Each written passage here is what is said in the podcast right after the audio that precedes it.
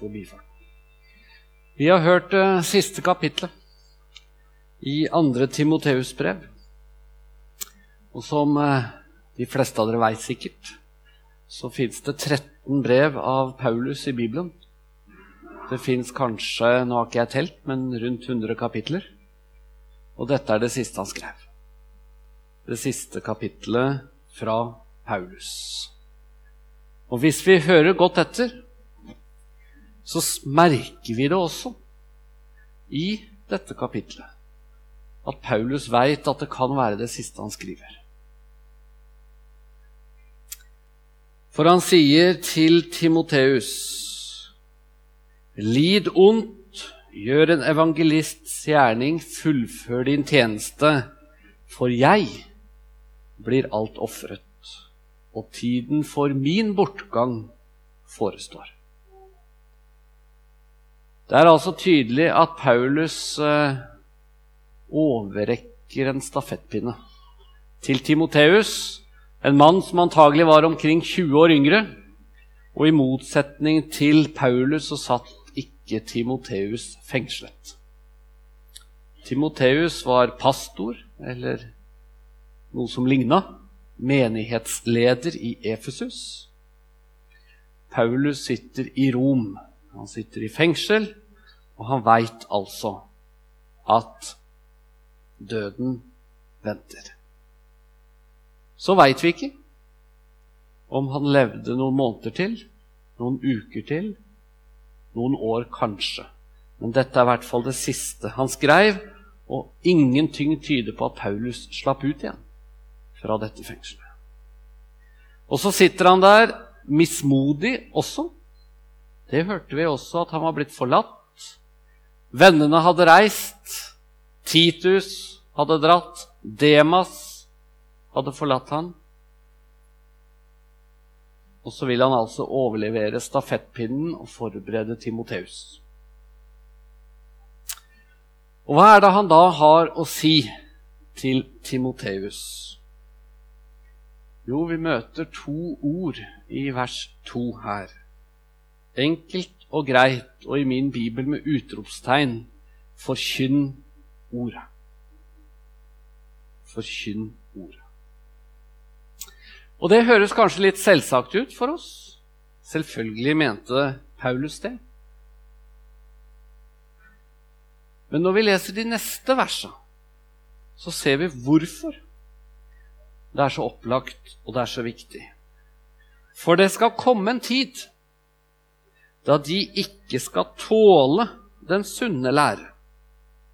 Men etter sine egne lyster skal de ta seg lærere i mengdevis etter det som klør i øret på dem.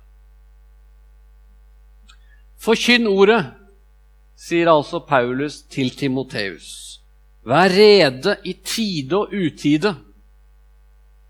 Overbevis, irettesett, trøst, for det skal komme en tid.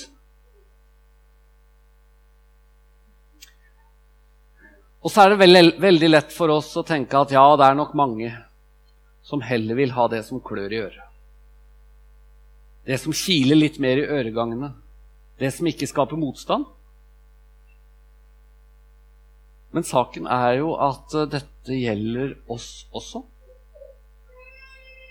Vi også kan synes at det er andre ting enn Bibelens budskap, andre ting enn Ordet med stor O, som klør deilig i øret. Og det forteller jo dette kapittelet oss. Dette skjedde jo med Demas. For Demas forlot meg, skriver Paulus her i vers 10, fordi han fikk kjærlighet til den nåværende verden. Demas som får skryt i Kolosserbrevet, som Paulus skrev en del år tidligere. Demas som var en av de som sto Paulus nær. Han merka også at det var noe annet som klødde, noe annet som frista. Og Paulus sier det altså enkelt og greit sånn. Han fikk den nåværende verden kjær. Og skal vi unngå det, vi også, skal du gjøre som Paulus, fullføre løpet, og unngå å gjøre som Demas og forlate troen, så trenger du ordet å bygge livet ditt på. Så trenger du at ordet blir forkynt. Og Derfor er det jo flott med bibelstafett, som starter opp i dag. Du trenger Bibelen å bygge på.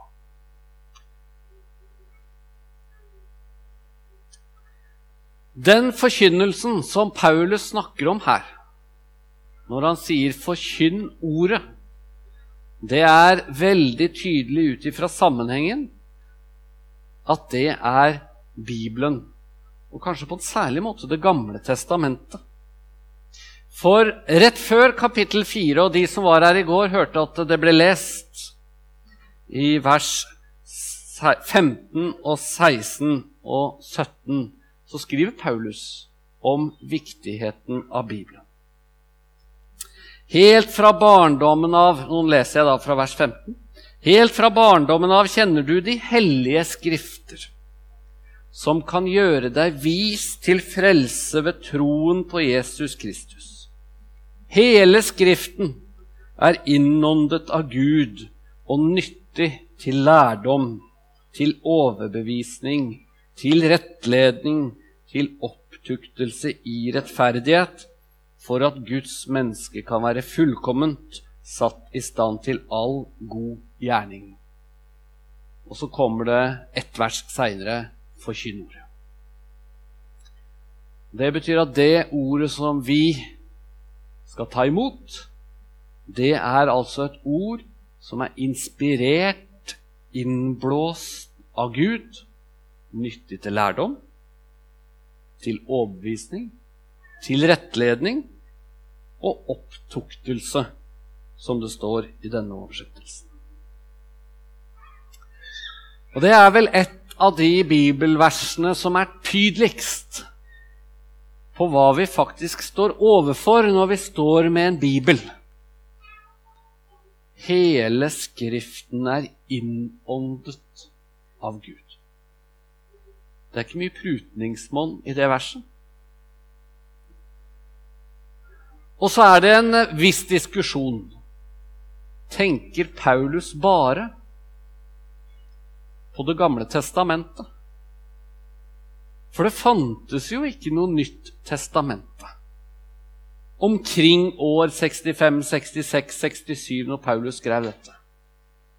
Da var ikke Bibelen samlet. Da fantes det ikke 13 Paulusbrev og fire evangelier på den måten som i dag.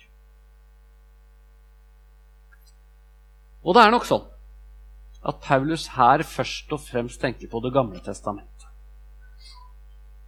Og det kan kanskje være greit å minne om akkurat det, for mange av oss leser lite i Det gamle testamentet.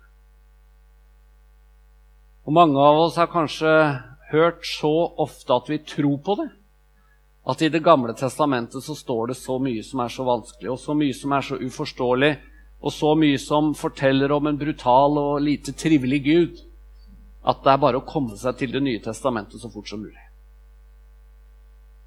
Men de første kristne med Paulus i spissen var overbevist om at det er Gud som taler i Det gamle testamentet, og at det til og med er sånn at hver eneste bok i Det gamle testamentet peker på Jesus. Alt peker på Jesus. Det gamle testamentet er grunnlaget og fundamentet for det nye. Men det betyr selvfølgelig ikke at Det nye testamentet og det Paulus skriver her, at det skal rangeres som mindre viktig. På ingen måter. Og Det er jo det vi også ser når Paulus skriver til Timoteus, f.eks. i kapittel 1, som vi da leste på torsdag. Ha som forbilde de sunne ord du har hørt av meg i tro og kjærlighet i Kristus Jesus. Paulus setter faktisk seg selv på linje med Det gamle testamentet. Og sier at hans forkynnelse er sunne ord som, som Timoteus kan bygge livet og troen på. Og i første Tessalonikerbrev står også dette. Kapittel 2 og vers 13 skriver Paulus Da dere fikk det ord som vi forkynte, tok dere imot det. Ikke som et menneskeord, men som det i sannhet er, som Guds ord, som virker med kraft i dere som tror. Så når vi altså har 13 Paulusbrev her i Bibelen Vi har hele Det gamle testamentet, og vi har fortellingene om Jesus i Matteus, Markus, Lukas, Johannes, så står vi overfor Guds ord som virker med kraft i dere som tror. Og så er det det vi må bygge livet vårt på, troen vår på. Men så sier Paulus problemet er at folk vil ha det som klør i øret. Og ikke nok med det, men de vil altså ta seg lærere i mengdevis som forkynner sånn som de ønsker. Og det uttrykket forteller oss at vi må være forberedt på at flertallet kan ta feil. Paulus forteller altså at han var aleine i Rom. Alle hadde forlatt han. I går så vi at han skrev at 'alle i Asia har forlatt meg'. Så han var altså aleine, hadde Timoteus da, langt unna. Og så skriver han altså at det vil komme lærere i mengdevis som forkynner det som klør i øret. Flertallet kan altså være på ville veier. Og Paulus forbereder Timoteus på at han også kan oppleve det sånn. At flertallet forkynner et annet budskap. Hva er det så som klør i menneskers ører i dag? Hvis vi skal tørre å være veldig konkrete. Hva er det som klør i dine ører? Hva er det som er fristende? Hva er det du helst ikke vil at jeg sier et ord om når jeg forkynner? Jeg veit hva som klør mest i mitt øre. Og det er å høre mennesker som sier med overbevisning at det ikke finnes noen fortapelse. Det klør. Det hadde vært fantastisk godt å bare kunne lene seg tilbake og vite at det går bra med alle uansett. Det klør i mitt øre, og det klør i veldig mange sør. Det er gjort masse undersøkelser om dette. Jeg har lagd én sjøl for noen år siden i Utsyn. Og den viser det at når det gjelder nordmenn, så tror mer enn halvparten på et liv etter døden. Rundt 10% tror at det fins et helvete. Så statistikken forteller oss faktisk på dette punkt hva er det som klør i øret. Hva er det folk vil tro? Hva er det de vil høre? Og jeg forstår det så godt. Det er tungt å tro at det en dag skal komme et innenfor og et utenfor. En evig salighet, en evig fortapelse. Det klør i øret på masse nordmenn og høre at alle har nok egentlig litt rett. Buddhister, hinduister, muslimer og sikher. Og sikkert de gamle maya-indianerne som trodde verden gikk under i 2012. Kanskje de også har litt rett. Og så er det jo det prinsesse Märtha og engleskolen handler om. At alle egentlig har litt rett. For alle tror på engler. Og så kan dere kristne tro på engler på deres måte, og så kan andre tro på engler på sin måte. For vi er egentlig enige, alle sammen. Det klør i øret. Og ikke måtte si at Jesus er sannheten og de som sier noe annet enn Jesus, taler usant.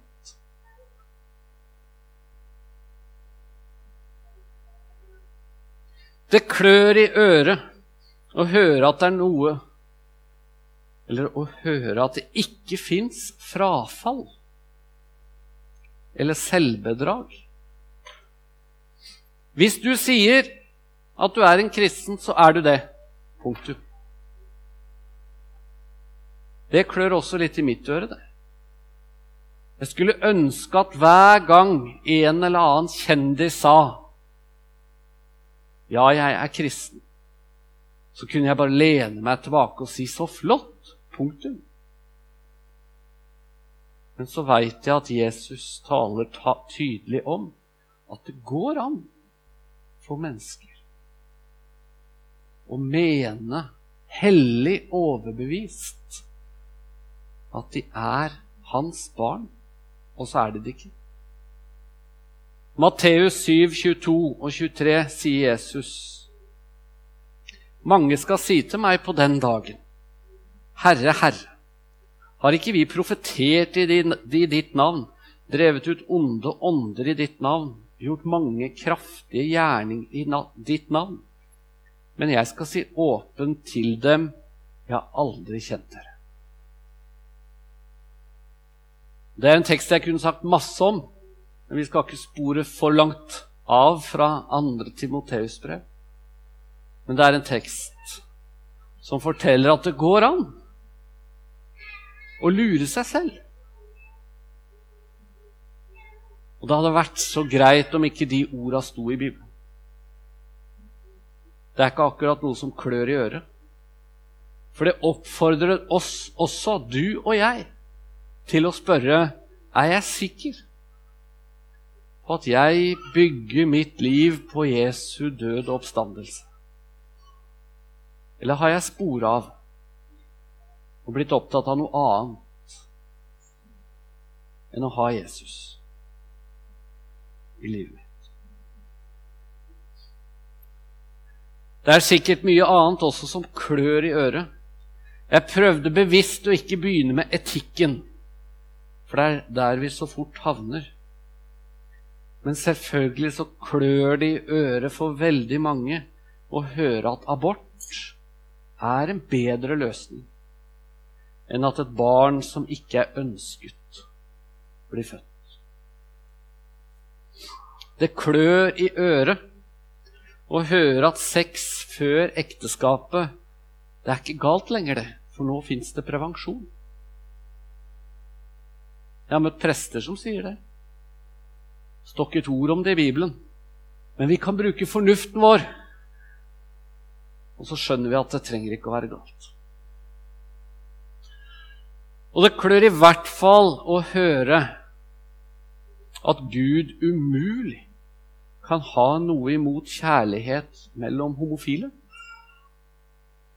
Det hører vi jo hver dag. Nesten uansett. Nå har ikke jeg kjøpt noen aviser i dag, så langt. Men skulle ikke forundre meg om det står i et par aviser i dag også. Hver dag så hører du det i mediene. Kan da umulig være galt med kjærlighet?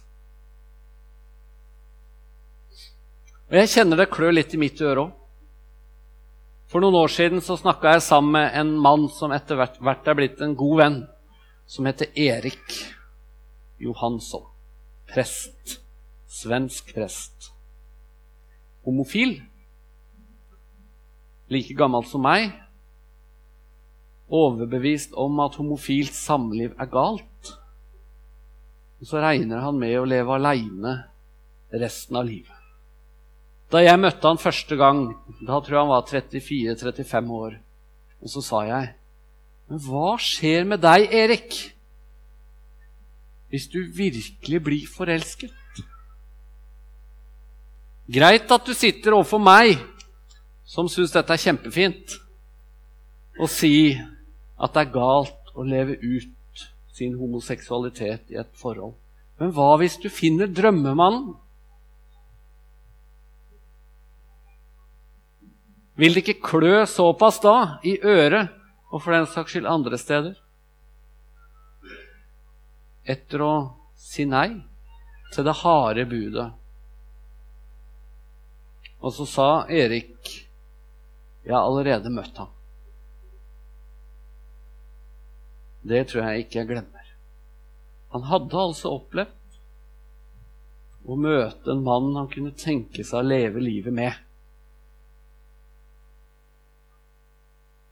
Og så sa han nei til den store kjærligheten fordi Bibelen sier nei til homofilsamliv. Så har jeg møtt mange andre også de seinere år.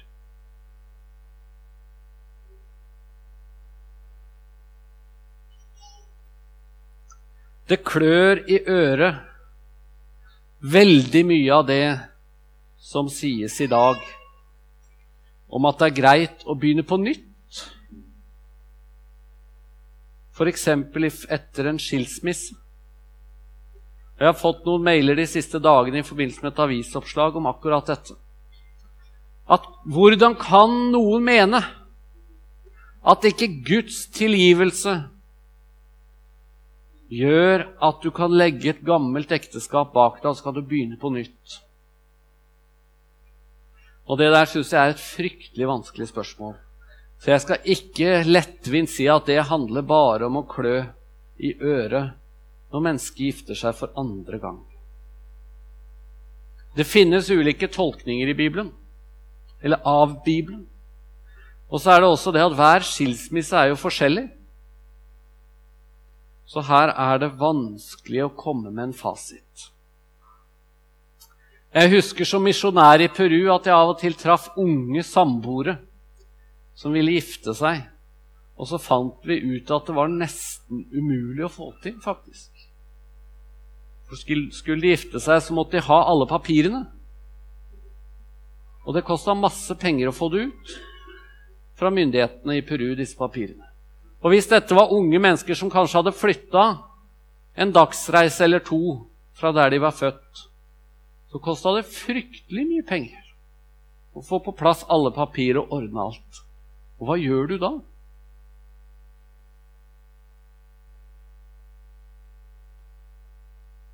Men av og til så tenker jeg at det vi hører i samfunnet vårt i dag, om at det er så selvfølgelig at Gud er så god, og Gud er så kjærlig, og Gud er så tilgivende at det Selvfølgelig kan du begynne med blanke ark.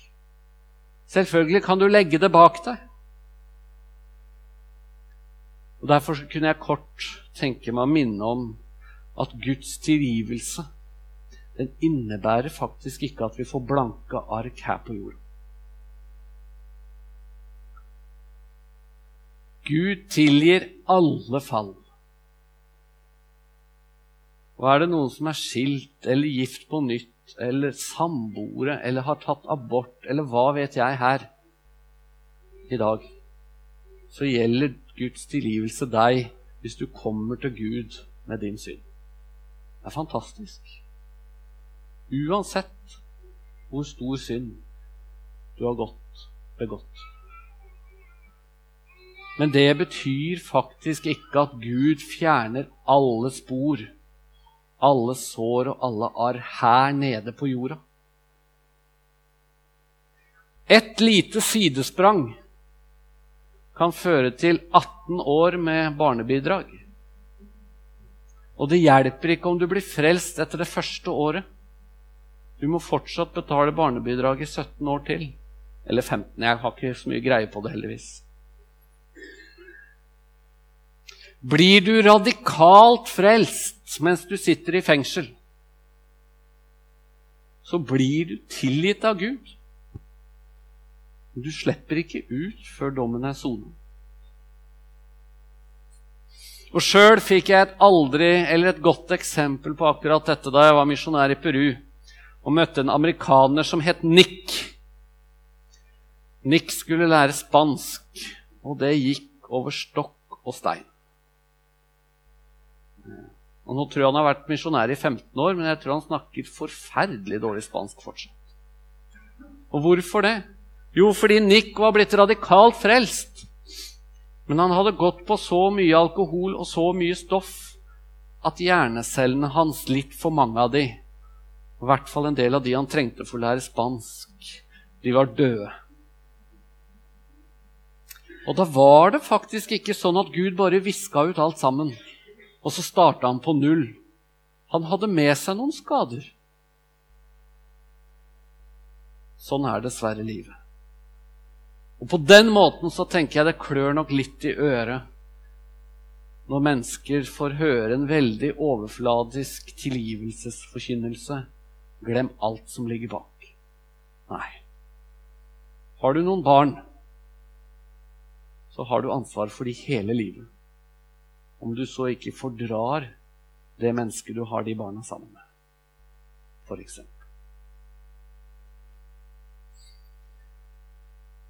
Overskriften for i dag, og det vi også møter i teksten, er Paulus sitt ord om den gode strid.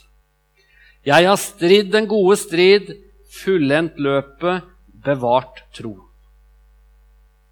Og er det noe Timoteus får beskjed om gjennom hele dette andre Timoteus-brev, så er det at han skal kjempe, fullføre, stride.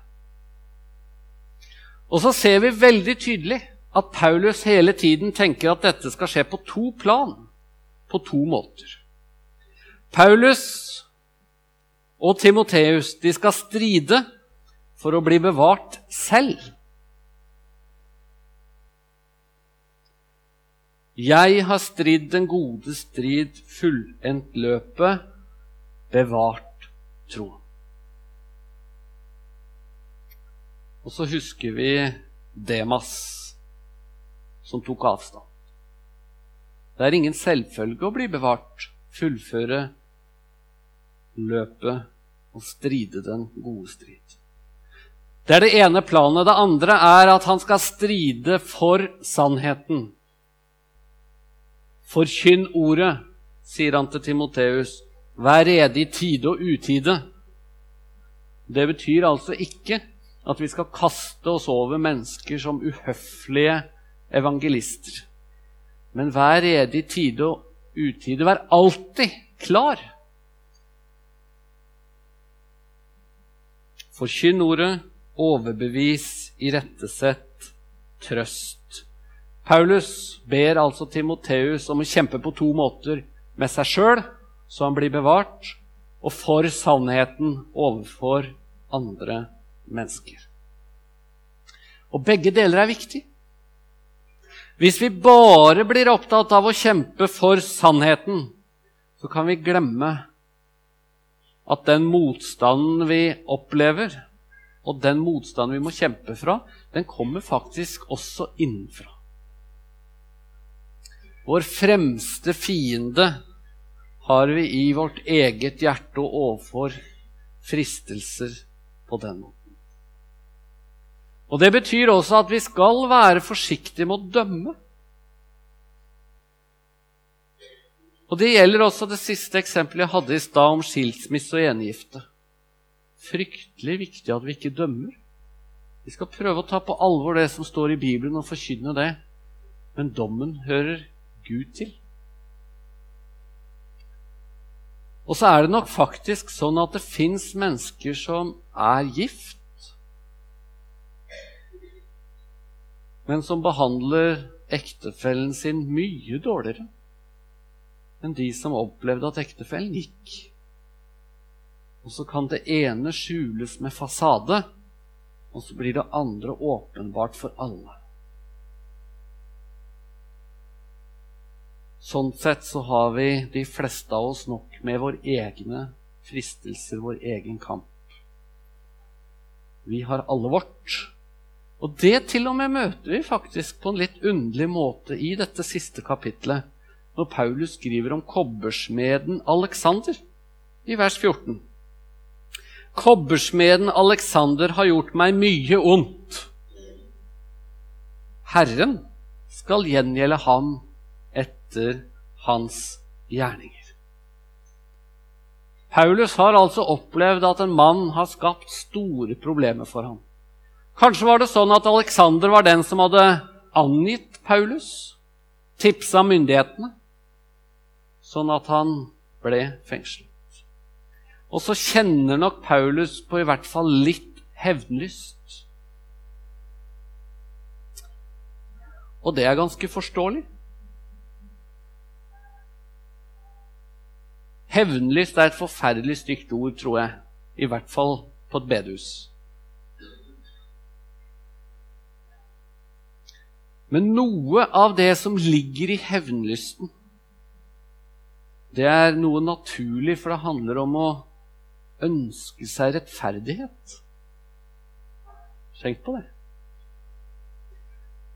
Jeg er en av de som leser mye krimlitteratur.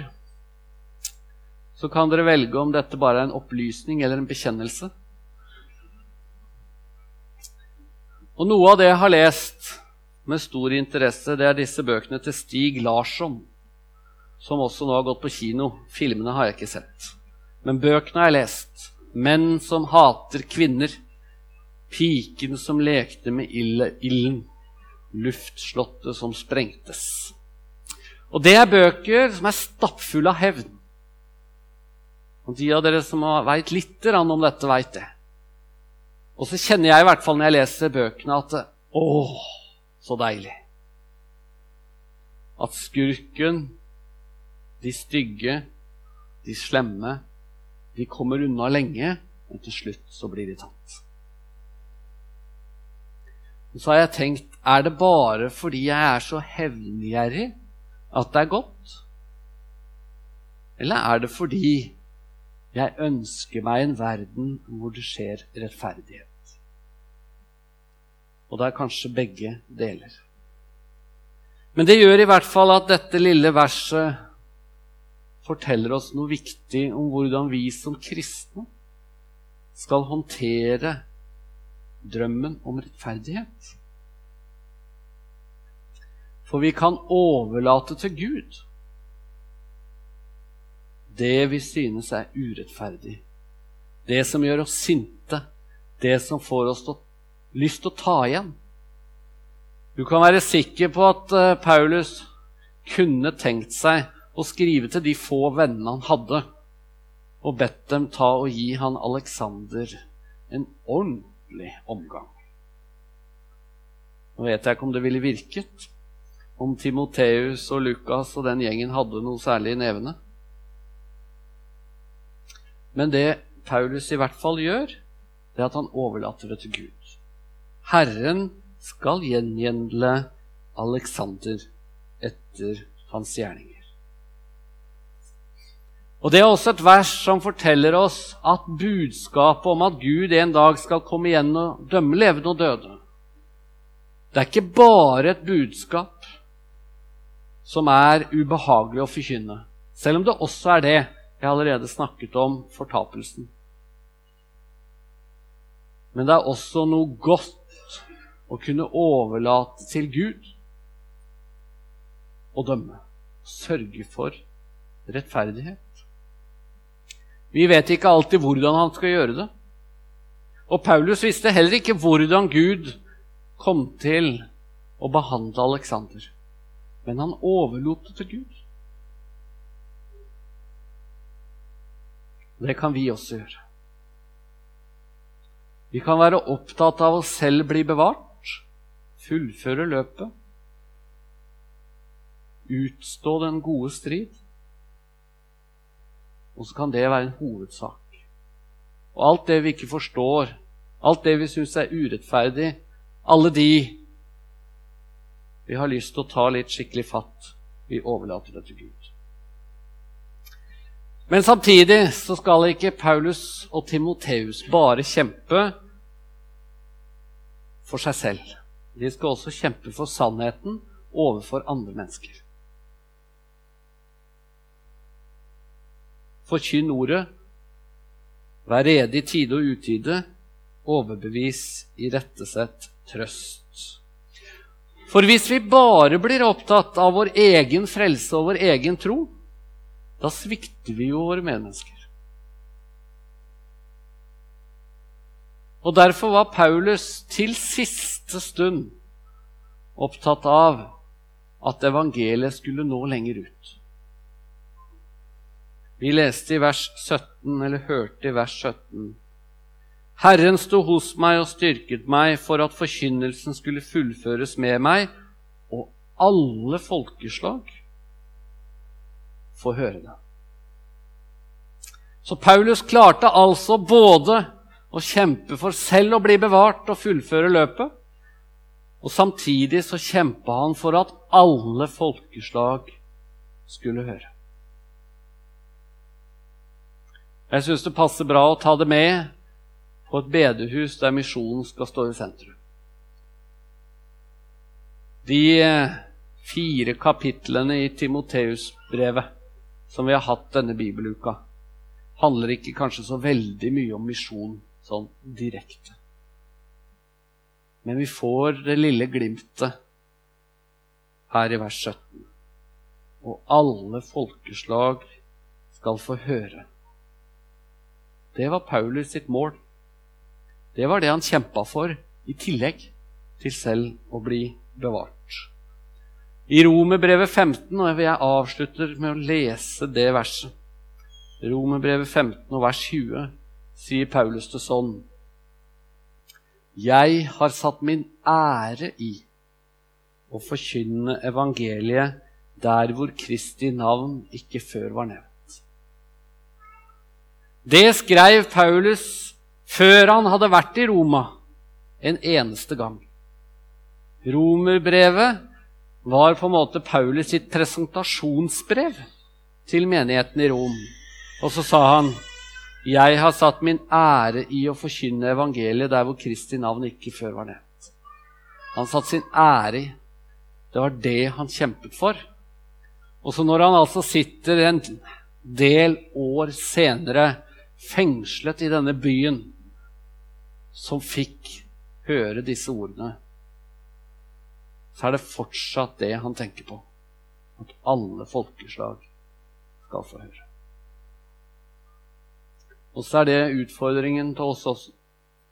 Kjemp for å fullføre løpet. Kjemp for at alle skal få høre. Amen.